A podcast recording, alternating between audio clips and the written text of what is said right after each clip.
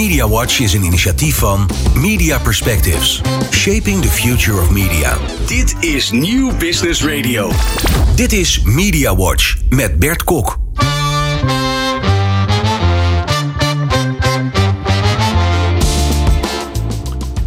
Leuk dat je luistert naar Media Watch, de maandelijkse radioshow en podcast van Media Perspectives over ontwikkelingen in de mediasector. Mijn naam is Bert Kok.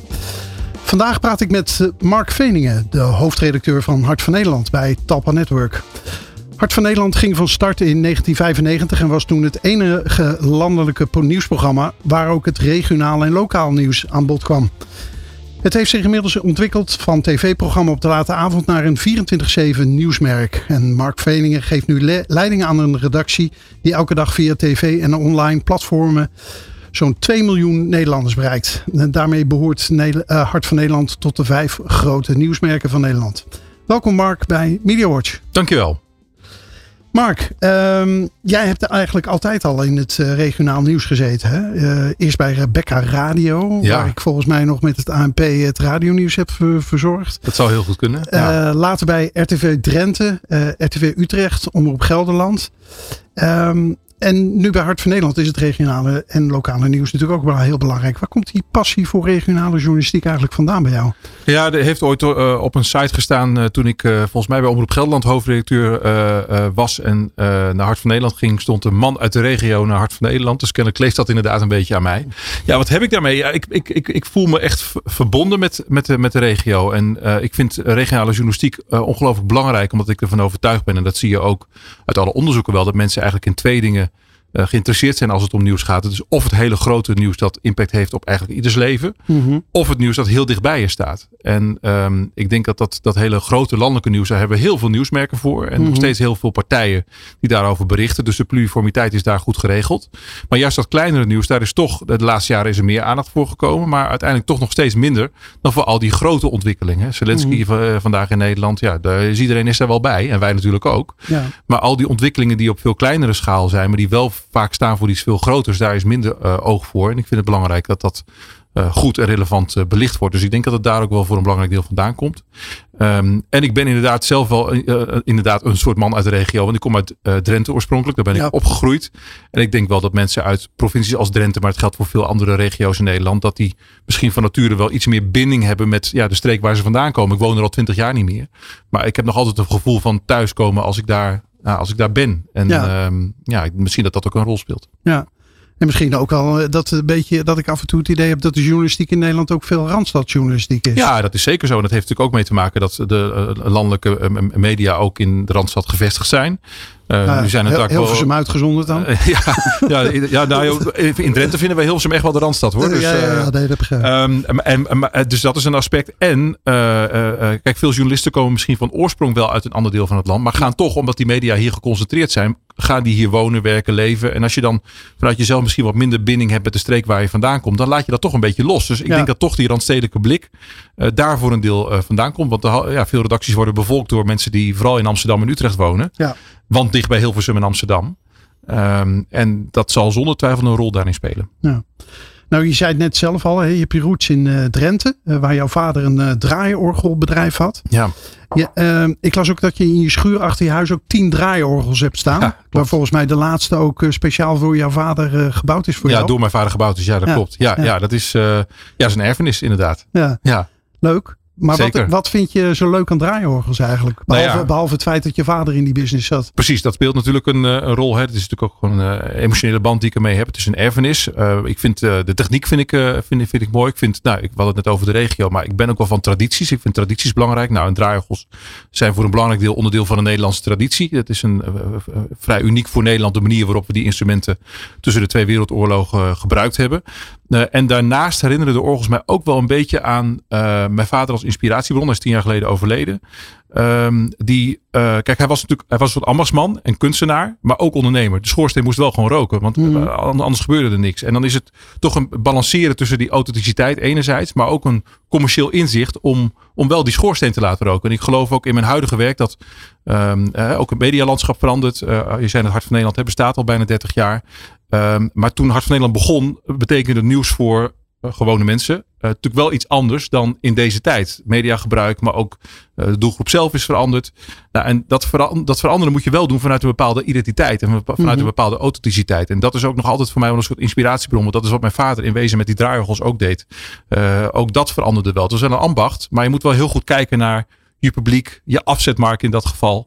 hoe zorg je ervoor dat die oude instrumenten ook in de huidige tijd uh, nog steeds klanten vinden en publiek vinden. Ja.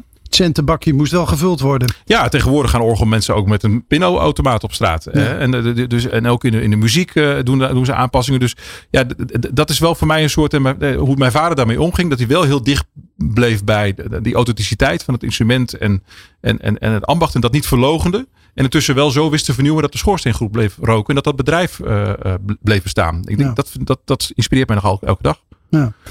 Ehm, eerder dit jaar uh, had Filomedia op zijn site een, een artikel hè, over, uh, ik noem het maar de bende van Hogeveen. Ja. Zij hebben die naam niet gebruikt hoor, ja, even voor de duidelijkheid.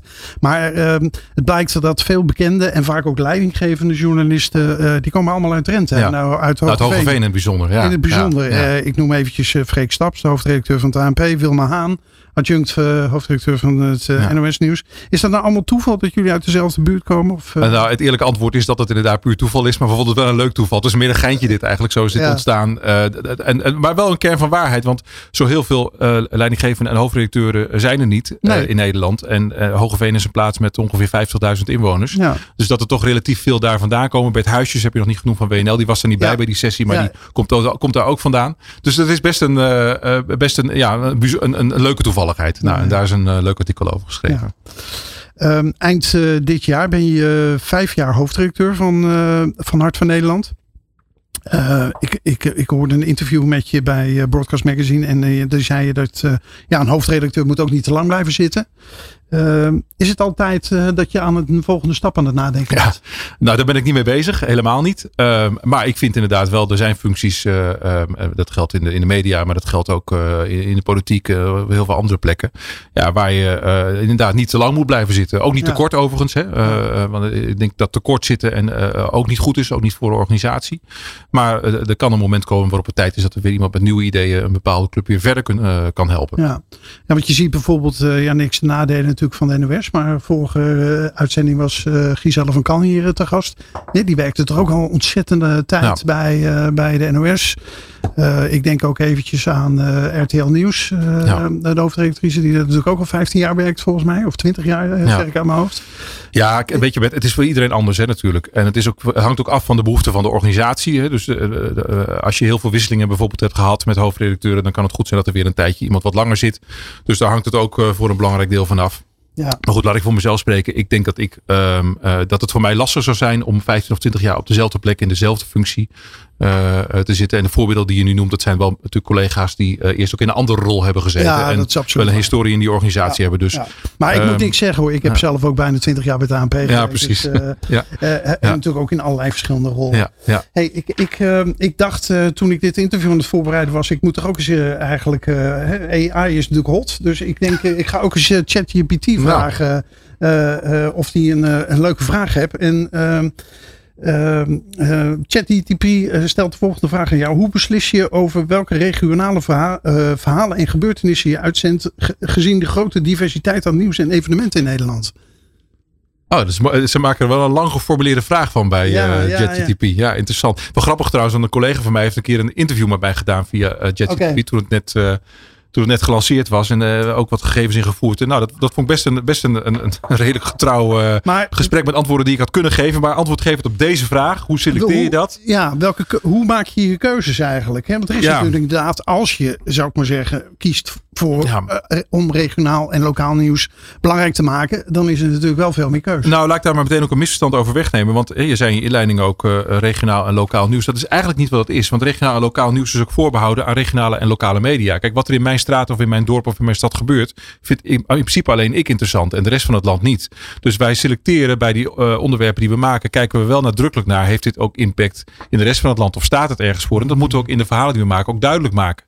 He, dus een verhaal dat, uh, dat maar in één gemeente speelt en dat niet voor, een, voor iets groter staat. Je moet wel die vertaling naar landelijk kunnen maken. Ja, die moet je kunnen maken. Of het moet een heel erg uh, opmerkelijk verhaal zijn. Waarvan iedereen denkt van wat gebeurt daar nou? Hoe is het mogelijk? dan, dan, dan kan het ook reden zijn om een verhaal te maken. Maar lokaal nieuws en waarin mensen in die bepaalde plek zeer geïnteresseerd zijn. Is niet per definitie een verhaal waar mensen in het hele land ook naar willen kijken of, of, of, willen lezen. Dus dat is, dat is, dat is wel een, een nuanceverschil. Oké.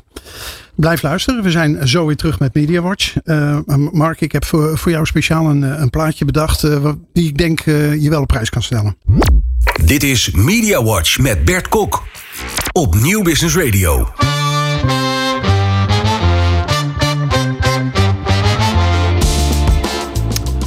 Welkom terug bij MediaWatch. Mijn gast vandaag is Mark Veningen, hoofdredacteur van Hart van Nederland. Uh, Mark, uh, Hart van Nederland uh, is al 28 jaar op tv. begonnen in 1995 volgens mij. En onlangs bereikten jullie de mijlpaal van 10.000 uitzendingen.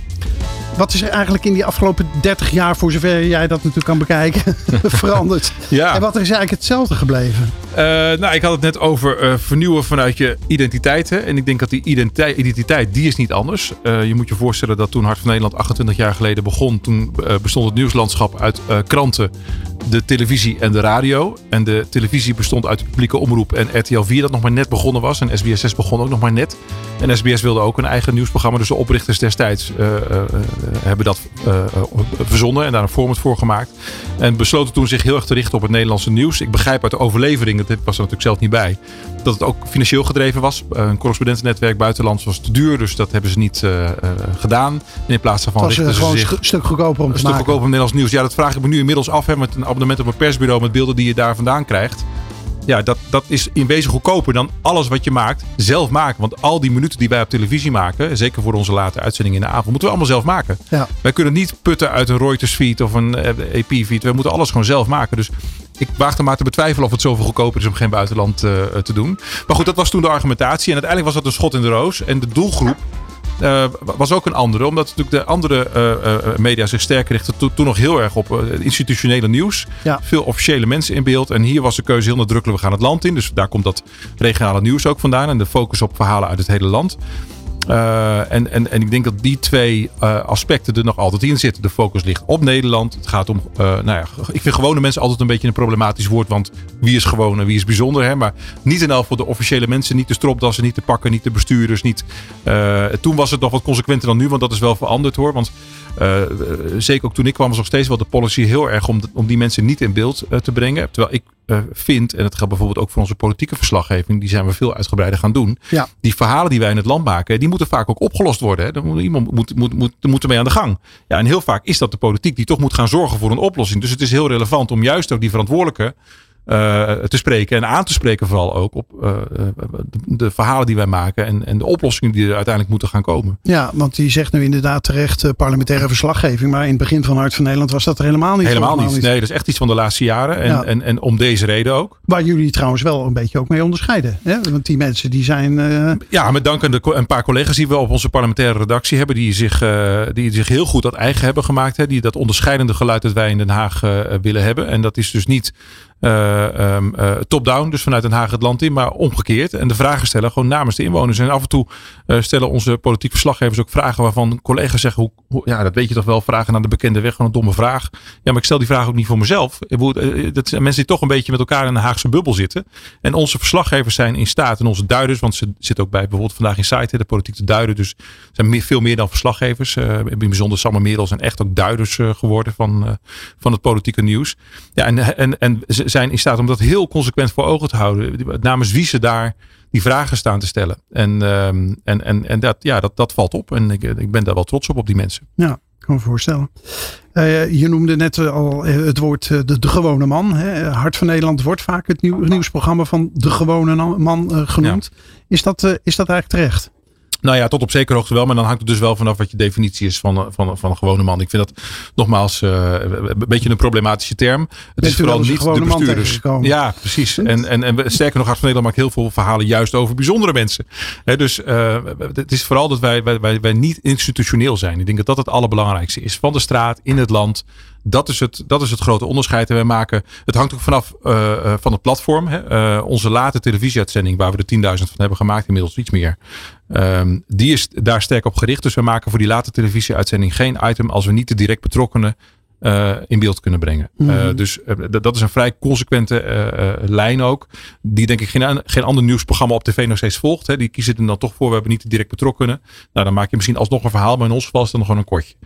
Uh, voor onze ochtendeditie gaan we daar wat anders mee om. Hè. Dat, dat, er zit ook minder reportages in. Dus daar brengen we meer gewoon het primaire nieuws. Dus zo verschilt het wel een beetje per activiteit. Online is het weer een ander verhaal. Doen we ook veel bijvoorbeeld servicejournalistiek. Dus artikelen over hoe zit het met de benzineprijzen. Hoe zit het met, nou, uh, noem een voorbeeld. Daar hoeft natuurlijk niet altijd een, een case in te zitten. Maar voor die late uitzending op televisie is dat wel uh, cruciaal. En ook een harde voorwaarde voor het maken van een verhaal. Ja. Uh, nu wordt er in de journalistiek, uh, uh, misschien is dat tegenwoordig wat minder hoor, maar wel eens met enige dédain gesproken over, over Hart van Nederland. daarbij valt ook wel eens de term kneuterig als het, om, het, ja. om het nieuws van Hart van Nederland te beschrijven. Wat vind je daar eigenlijk van? Ja, kijk, dat moeten mensen maar zelf weten wat voor termen ze eraan geven. Wij zijn trots op de journalistieke focus die we hebben als, als mensen het nieuws dat wat kleiner is uh, zien als kneuterig of dat willen uh, kwalificeren als kneuterig, uh, moet ze maar lekker doen. Maar dat geeft misschien wel aan de afstand tot veel gewoon mensen in het land waar, waar, die, die, die je dan tot die, tot, die, tot die mensen hebt. Dus ik, ik denk dat dat meer zegt over de mensen die die kwalificatie geven dan over de journalistiek die wij bedrijven. Ja, nu we het over afstand hebben. Hart van Nederland heeft eigenlijk naam gemaakt met Foxpop. Hè? De, de, de, de, ja. de straatinterviews waarin burgers werden bevraagd over het nieuws. Uh, nu is het ook uh, jullie opiniepanel, hè, wat, wat uh, vaak leidend is als het gaat over jullie nieuwsagenda. Hoe belangrijk vind jij om te luisteren naar het publiek als je het nu toch hebt over. Uh, ja, zeer. Over, dat, is, dat is een van die dingen die ook niet veranderd is. Hè? De, de Voxpop, dus het doen van straatinterviews, waar ook weer veel misverstanden over bestaan. Want van, de, over de Voxpop wordt dan vaak gezegd dat, dat het toch een soort lukraak vragen van meningen op straat is.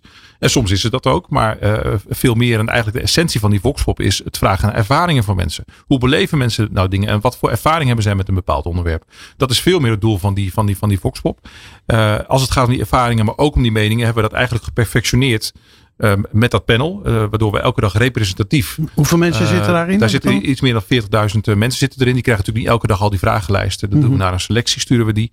Zodat we daar een voldoende respons hebben voor een representatief uitkomst. Um, en en, en nou, daarmee weten we dus elke dag, want wij zijn het enige panel dat dit elke dag doet. Er zijn inmiddels meer nieuwsmerken met een panel, maar wij doen het elke dag.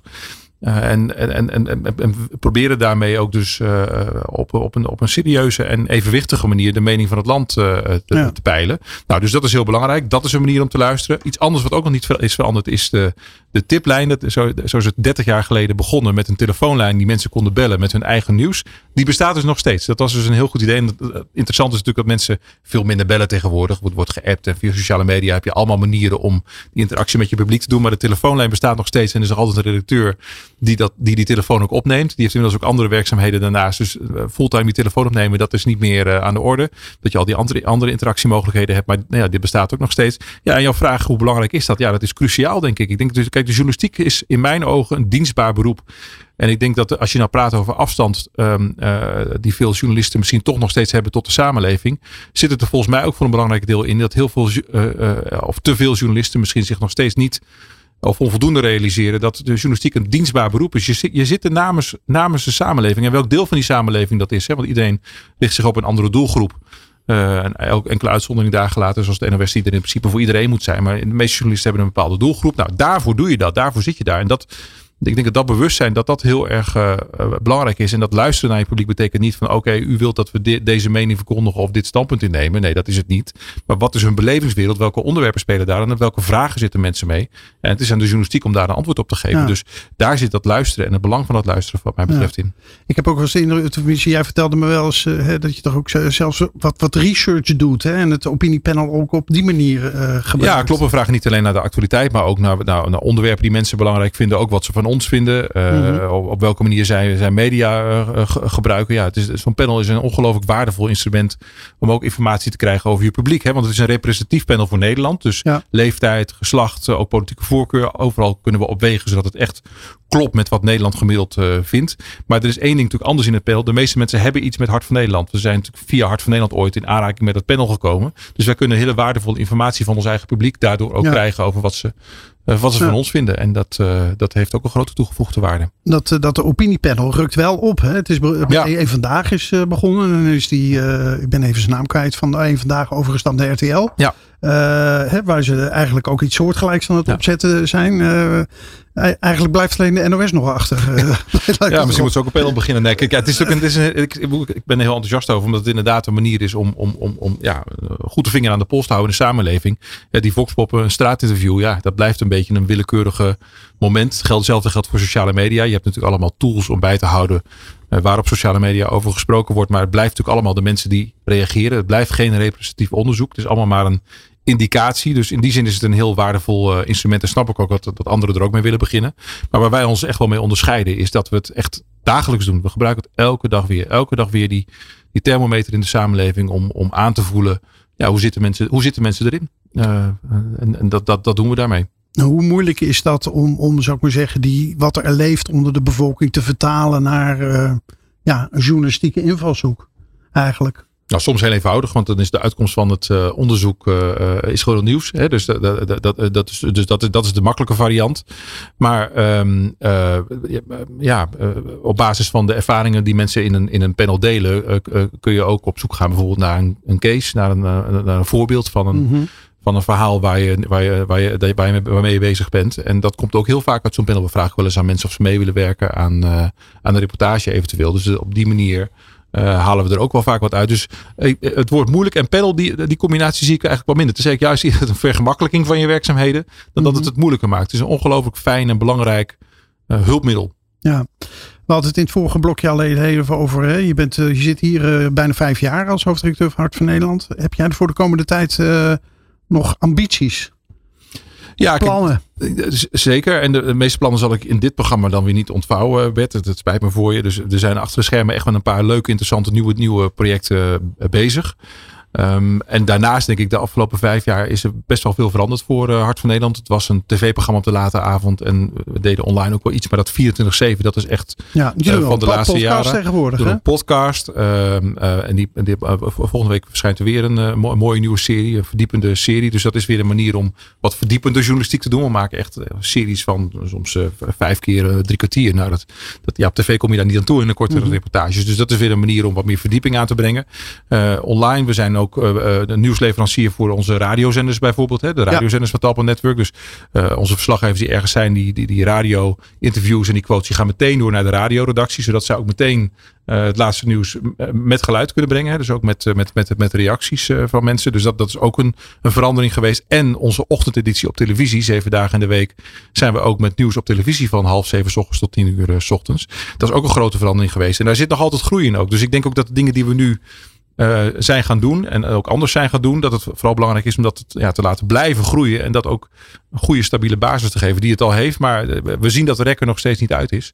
Dus het is vooral fijn om dat uh, verder te kunnen uitbouwen en steeds beter en, en groter te maken.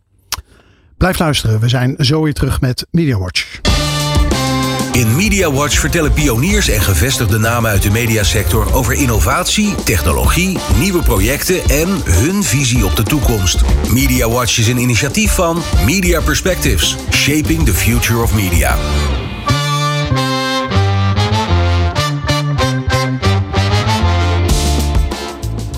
Je luistert nog steeds naar Media Watch. Mijn gast is Mark Veningen, hoofdredacteur van Hart van Nederland bij uh, Talpa Network.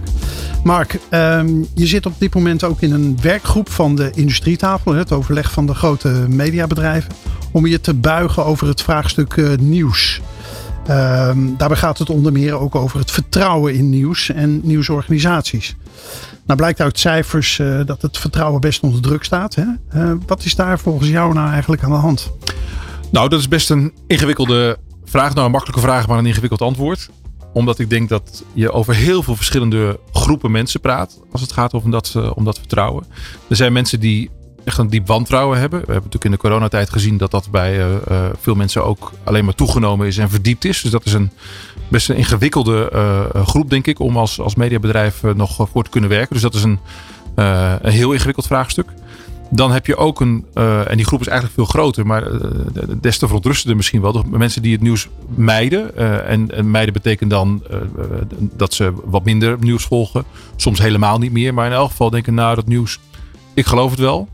Um, en dat heeft vaak te maken met dat ze er of te weinig aan hebben. of het te negatief vinden. Mensen zijn toch in negativiteit zat. Dat zal ook een beetje versterkt zijn in de coronatijd. Toen was het nieuws natuurlijk vaak niet even vrolijk. Maar nieuws is natuurlijk in zichzelf vaak niet al te vrolijk en, en positief en opgewekt. Ondanks verwoede pogingen van meerdere partijen om daar wel wat tegen te doen. Hè, maar uh, ja, nu is het toch ervaren als negatief. Nou, en dat zijn wel, denk ik, hele belangrijke verklaringen uh, voor dat wantrouwen of vooral ja, minder gebruiken van nieuws door veel mensen en steeds meer mensen. Dus dat is wel echt een heel serieuze vraag om uh, antwoord op te geven als individueel nieuwsmerk en als nieuwsuitgever. Maar ook voor, voor de sector collectief. Mm het vertrouwen heeft natuurlijk ook te maken met, um, wordt nieuws ook als zodanig herkend? Hè? Wat is je definitie van nieuws? Je ziet dat met name jongere generaties een heel ander beeld ervan hebben dan jij en ik, zal ik maar zeggen, als, als 40-plussers. Wij zijn opgevoed natuurlijk met een beeld van nou, bepaalde kranten, dat is het nieuws. Uh, televisie, dat is nieuws. Maar er ontstaat nu een hele generatie die opgevoed is met sociale media. En alles wat op sociale media platforms is, dat is ook nieuws. Uh, ongeacht de afzender op dat sociale media platform. Dus wie er iets op Facebook of op TikTok maakt niet zoveel uit wie erop zet. Staat op TikTok of het staat op Snapchat, maakt niet uit. En dat, dat wordt ook ervaren als nieuws. Ja, hoe ga je dan mensen uh, laten inzien of bijna ja, onderwijzen in, in dat uh, nieuws in mijn ogen en denk in de ogen van, van, van mensen die er wat langer geleden mee zijn opge, opgegroeid, is geverifieerd. Uh, nieuwsorganisaties leggen ook verantwoording af over wat ze doen. Doen aan hoor en wederhoor. En zijn bereid om fouten als ze die hebben gemaakt aan domen om die recht te zetten. Mm -hmm. nou, dat zijn volgens mij heilige principes in de journalistiek. Maar er zijn heel veel mensen die daar niet meer uh, ja, mee, mee, bekend zijn, mee vertrouwd zijn. En er zijn ook mensen, dan is meer die, die, die categorie waar ik het net over heb. Mensen die daar niet op vertrouwen. Die denken, ja, dat zeggen jullie wel dat dat zo is. Maar intussen geloven we dat niet, want jullie lopen aan de leiband van de overheid. Of jullie raken daardoor uh, beïnvloed of volgen een bepaalde agenda. Nou, dat zijn hele serieuze en ingewikkelde opgaven. Want als er geen vertrouwen is, de kennis die natuurlijk vertrouwen. Als dat vertrouwen in de journalistiek er niet is, heeft het natuurlijk ook maatschappelijk grote, uh, grote impact. Want de rol van de journalistiek als als waakhond, als, als, als, als onafhankelijke partij. Uh, die de, de overheid controleert, maar ook, ook, ook bedrijven controleert. En ook in de samenleving signaleert wat er gebeurt. Dat op de agenda probeert uh, te krijgen. Om, om, omdat mensen op, op die manier niet alleen een spreekbuis hebben, maar ook een spreekbuis hebben die uh, die het objectiveert. Hè? Want kijk, via mm -hmm. sociale media hebben natuurlijk de afgelopen twintig jaar mensen allemaal een platform gekregen. En dat is, op een bepaalde manier is dat heel waardevol. Dat mensen in staat zijn geweest. Het is ook een soort, soort, soort, soort uh, democratisering zou je kunnen zeggen. Dat mensen gewoon veel meer ruimte hebben gekregen om hun mening te ventileren. Maar tegelijkertijd is dat ook maar één kant van het verhaal. En de journalistiek is er natuurlijk voor om ook die andere kant te belichten. En het van een bredere context te voorzien. En dat maakt dat iets uh, op de maatschappelijke agenda komt. En die rol van de journalistiek, ja, die, die, die zal niet verdwijnen. Die mag ook niet verdwijnen. Maar dat, dat vraagt wel dat er ook in de samenleving vertrouwen is ja. in die journalistiek. Nou, en daar hebben we natuurlijk, denk ik, als sector wel een hele belangrijke opgave om dat uh, te behouden of te herstellen waar nodig. Ja, je zei net al, hè, makkelijke vraag, moeilijk antwoord. Nou, dat blijkt wel. Uh, dat, dat blijkt wel. Ja. Um, uit de recent van, uh, dit wordt eigenlijk ook ondersteund door een rapport van het Reuters Institute for the Study of Journalism. Daar staat dat er eigenlijk niet één vertrouwensprobleem ja, is. Hè? Ja. En dus ook niet één oplossing. Dat klopt, ja, dat heb ik net uh, geschetst ook. Ja. Um, als je nou kijkt naar de gesprekken die jullie in die werkgroep voeren. Hè, daar, daar zit je met je collega's van DPG, ja. van de NOS, uh, uh, van de publieke omroepen. Um, um, ja, hoe, hoe, hoe, wat is dan het gemeenschappelijke kenmerk wat, waar jullie samen misschien toch iets aan kunnen doen? Nou, je ziet dat we eigenlijk er allemaal dus mee te maken hebben. Je zou denken dat misschien het ene uh, nieuwsmedium er meer mee te maken heeft dan het andere. Maar dat is dus niet zo. We hebben allemaal op de een of de andere manier er wel mee te maken. Met dat, met dat, met dat wantrouwen en ook hoe dat wantrouwen zich uit. Dat zit natuurlijk ook in bedreigingen voor journalisten. Uh, of minder erg, gewoon verwensingen of, of een onaangename sfeer. Uh, dat, dat, gaat, dat gaat van, van, van ernstig tot nou vrij onschuldig, maar niet leuk. En daar hebben we allemaal mee te maken. En, en dat is los van dat dat voor, voor mensen die ermee werken vervelend is. Want er wordt ook getwijfeld aan je integriteit. En soms is het dus ook persoonlijk heel vervelend. Uh, maar goed, dat, dat, daarvan zou je nog kunnen zeggen, dat willen we natuurlijk niet accepteren, maar het, het hoort ook een, kan bij het vak horen. Dat is, dat is dan één ding. Maar het maatschappelijke probleem is natuurlijk veel groter. Als dan mm -hmm. daaronder ligt dat, nogmaals, het werk dat de journalisten doen, als dat niet meer vertrouwd wordt en ook niet vertrouwd wordt op de checks en balances die erin zitten. En ook, we hebben er in, in Nederland bijvoorbeeld ook de Raad voor Journalistiek die, die toetst of, of een, waar iedereen terecht kan. Elke inwoner van Nederland kan klagen over journalistieke uh, publicatie. En uh, als hij vindt dat er onrecht is aangedaan en, en, en, media werken daar ook aan mee. En, en, en, en, en op het moment dat, dat je er niet meer op vertrouwt dat, dat, dat, dat, dat, dat journalisten integer hun werk doen. Dan, dan, dan moet je daar een nieuwe, naar nieuwe oplossing voor zoeken. Nou, daar zitten we nu volop in in dat proces. Daar hebben we het met elkaar over wat zouden de oplossingen daarvan, daarvan kunnen zijn. Uh, en daar, daar is nog geen uitkomst van. Dat geeft wel aan de complexiteit van dit probleem. Ja, zou je niet veel meer over de oorzaken moeten weten voordat je eigenlijk. Uh, ja, het, klopt. zeker. En er zijn natuurlijk onderzoeken naar wat je zegt, maar ook bij onderzoeken geldt. Uh, wie, wie zitten er in die onderzoeken? zijn er mensen die we niet in beeld hebben, bijvoorbeeld? Nou, dat zijn mhm. ook allemaal vragen die we onszelf, ja. die we onszelf wel stellen. Dus dat zou inderdaad heel goed kunnen. En dan komt de volgende aspect om de hoek kijken. Kijk, enerzijds is het een breed maatschappelijk probleem en hebben we er allemaal mee te maken. En aan de andere kant zijn de oplossingen voor die problemen, ja, die zullen ook voor elk mediabedrijf weer anders zijn. En iedereen zal er zijn eigen oplossing voor hebben. En dat, dat moet ook, want anders krijg je natuurlijk in wezen ook waar een deel van het wantrouwen is ontstaan. Dat het, ja, het is allemaal één pot nat. Is. Het is allemaal één pot nat. Dus het, het, hoort ook zo te zijn dat er ook een hele gezonde en stevige concurrentie is tussen alle verschillende nieuwsbedrijven en zowel de publieke als de commerciële. Ja, zeker.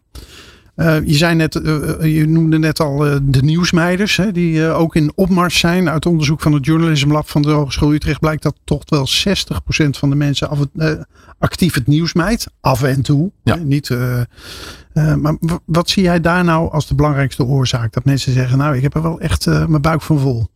Ik hoor het steeds meer om me ja, heen. Ik, ik Zelfs hoor het ook. van studenten journalistiek die zeggen, ik heb er eigenlijk, en dan gaat het met name over de negativiteit. Ja Um, nou, je merkt dat ook aan, aan, aan, aan de, de interesse die ook jonge mensen hebben om journalist willen worden, bijvoorbeeld. Die gewoon geen zin hebben in die negativiteit. En ik uh, moet je zeggen dat uh, zeker in de coronatijd.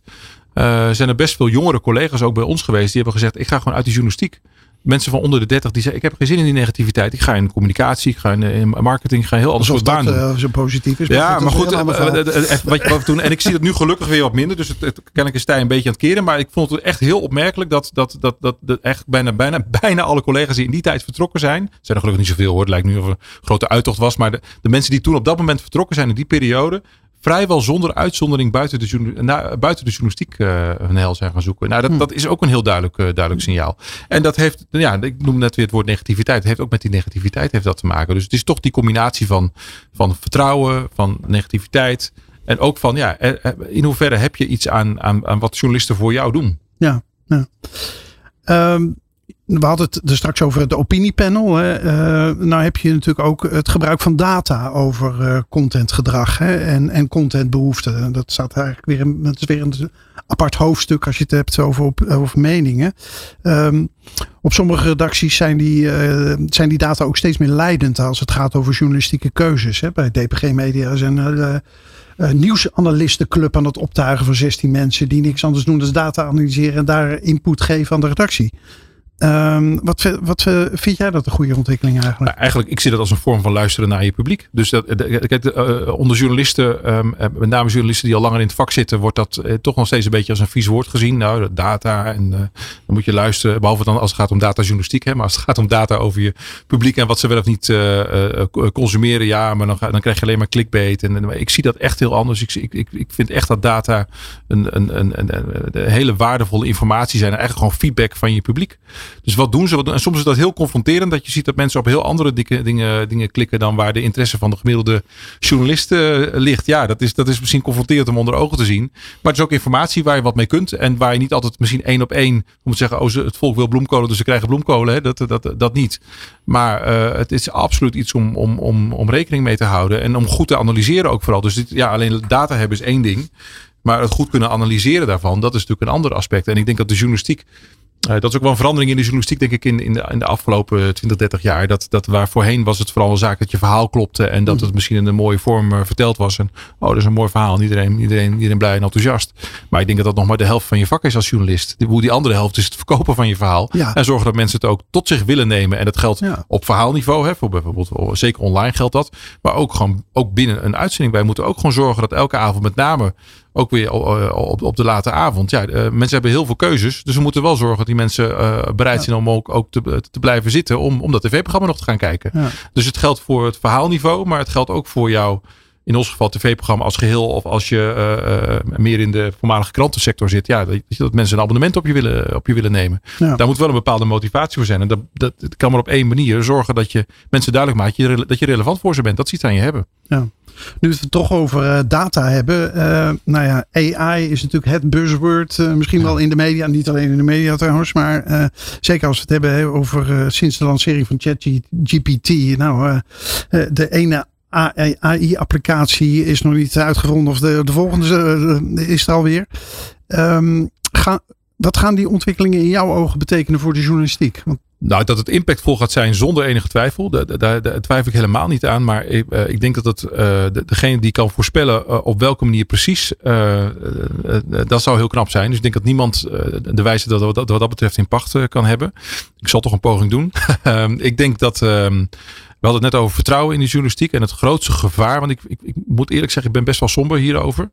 Uh, natuurlijk zie ik ook eventueel wel mogelijkheden die het zou kunnen geven. Uh, op dit moment, voor wat we er nu van weten. Bijvoorbeeld het brainstormen over vragen. Of mm -hmm. uh, het voor je laten werken. Bijvoorbeeld wat is de beste kop voor een artikel. Of wat, nou, dat zijn allemaal toepassingen die vrij onschuldig zijn. Waar ik, waar, waar, waar, waar ik echt wel wat in zie.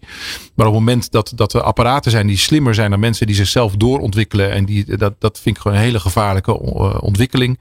En dan kan dus ook het vertrouwen weer van mensen in de journalistiek. Stel de journalistiek dat massaal zou gaan gebruiken. En die zouden JetGTP verhalen gaan laten schrijven. Of, of, of journalistiek laten bedrijven. Welke vorm dan ook. Of nou geschreven tekst is, maar ook, ook inspreken kan tegenwoordig gewoon. Je kan best wel geloofwaardig uh, een stem al uh, nadoen. Nou, de volgende stap is dat er ook een, een, een beeld bij komt.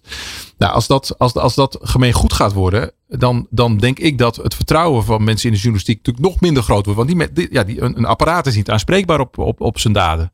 En mensen zijn dat wel. En ik denk dat die aanspreekbaarheid van de journalistiek, dat dat ongelooflijk belangrijk is voor vertrouwen. Dus als dit, deze ontwikkeling verder doorgaat en, en, en, en je, je zou als journalistiek besluiten of als uitgever besluiten om daar helemaal in mee te gaan en dat helemaal te laten overnemen. Oh, dat is wel lekker makkelijk of het is goedkoper of het is efficiënter en geeft nou, dan, dan, dan, dan, heb, dan heb je echt wel een vertrouwenscrisis ga je krijgen. En ik denk dat de impact, er zijn mensen die zeggen dit is net zo impactvol als de invoering van het internet, de ontwikkeling van internet bijvoorbeeld. Mm Ja, zou, zou kunnen, weet ik niet of het zo is. Maar ik denk dat op zijn minst het zo impactvol is als sociale media. En in die zin is dat vergelijk denk ik ook wel mooi. Want de sociale media heeft ook ons veel gebracht.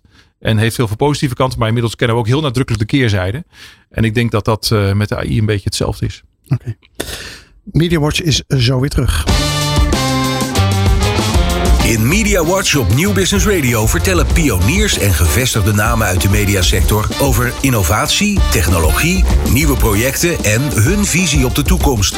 Media Watch is een initiatief van Media Perspectives, Shaping the Future of Media. Ook te beluisteren als podcast.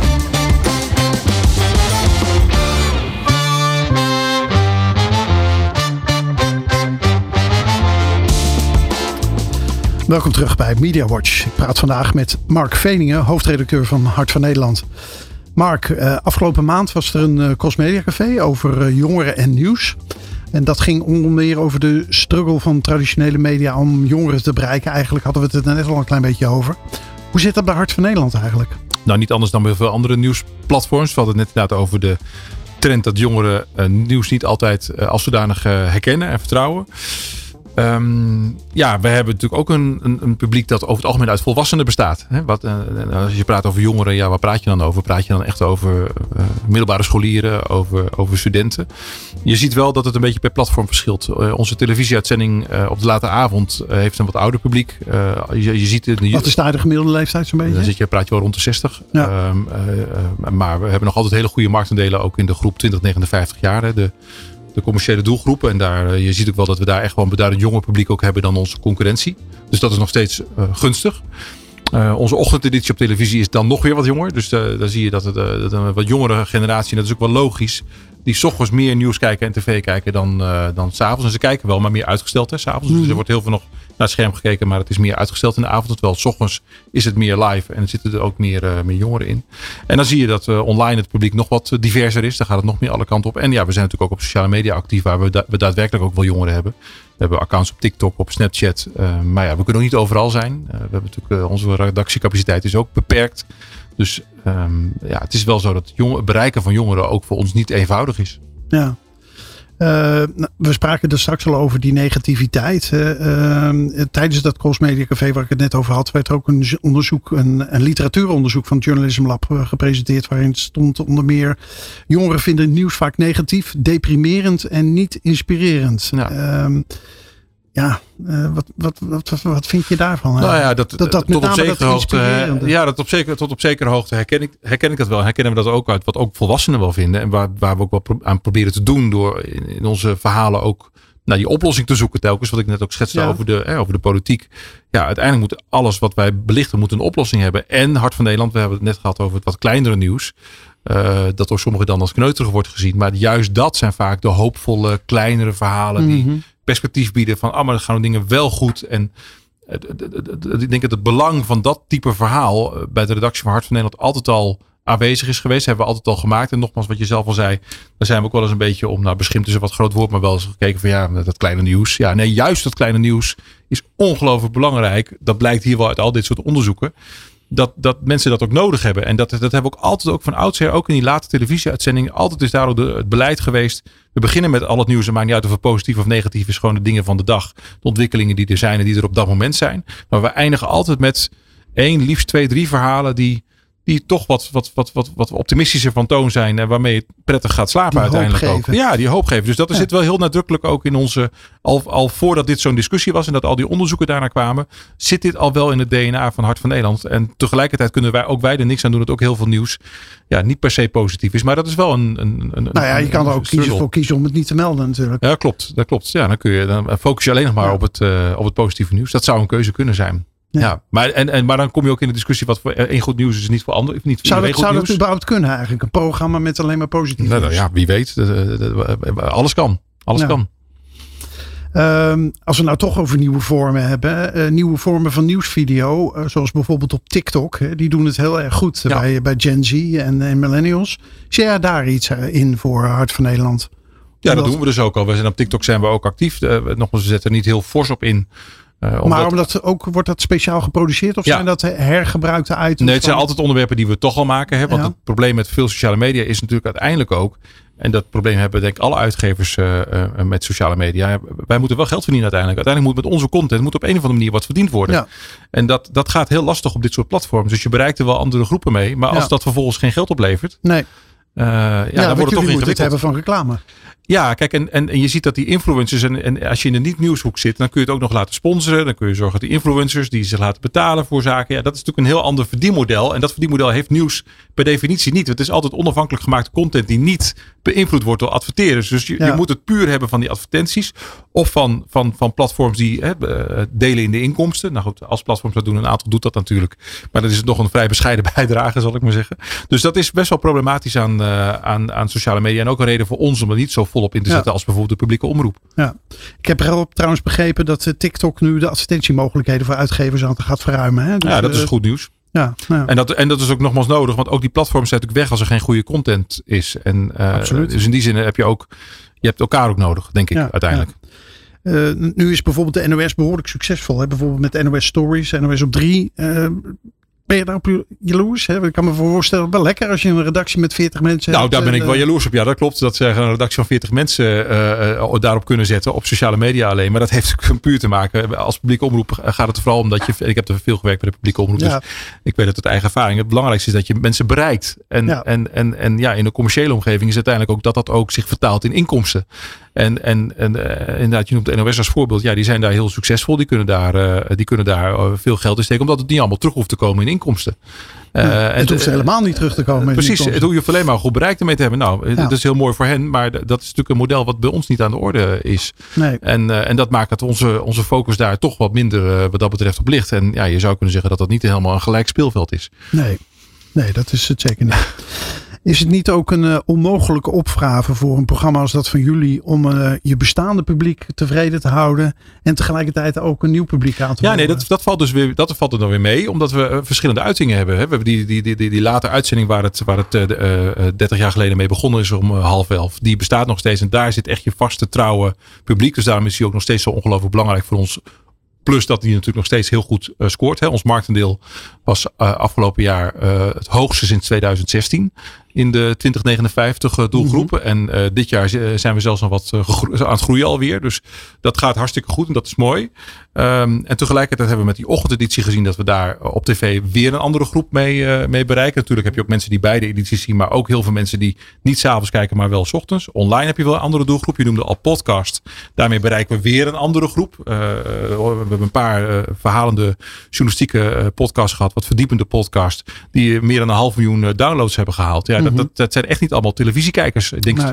sterker nog, gemiddelde podcastluisteraar zal over het algemeen geen tv-kijker zijn. Ja, ja. dus je ziet ook dat we door al die verschillende platforms wel degelijk over verschillende groepen beter te bereiken ja. met onze journalistiek. Dus dat is, um, nou, dat valt, dat valt eigenlijk wel, dat valt eigenlijk wel mee. Ja. Uh, Ilse Oppeneer, die was een tijdje geleden hier te gast. En die zei ook, ja, ik heb best wel ambitie om ook iets te doen met video on demand. Op de on-demand platformen met nieuws. dat zou best wel nieuw zijn, want zie jij dat voor je? Ja, ik denk dat nieuws in essentie is, is, is, dat, je, dat je live kijkt. Dus het nieuws is vaak toch op het moment dat het zich voordoet. Als het gaat om de wat meer verdiepende journalistiek, meer achtergrondverhalen. Maar zo'n programma zoals uit van Nederland, dat zou best helemaal niet zo gek zijn als het op een on-demand platform Nou ja, het is beschikbaar op ons on-demand platform Kijk, dus je kunt het gewoon, je kunt het terugkijken. Maar ik denk dat op het moment dat het op, op Kijk wordt geplaatst, en dat zien we ook wel in het, in, in, het gedrag, ja, dan is het eigenlijk alweer een achterhaalde uitzending. Ja, dus ik denk dat in essentie een nieuwsprogramma, hè, dat is een, iemand die het nieuws aankondigt, dat is echt iets voor live televisie. En on-demand zie je meer dat het is meer snacken, het is meer filmpjes en het zijn de verdiepende series, daar geloof ik wel in. En die maken we dus ook alleen, wij richten ons dan dus meer op podcast dan, uh, dan dan op video. Uh, als het gaat om de verdiepende series. Maar nou, absoluut is dat iets wat on-demand wordt gedaan. Maar ik denk, ik, dat zie je ook in, in, in, het, in het kijkgedrag van mensen.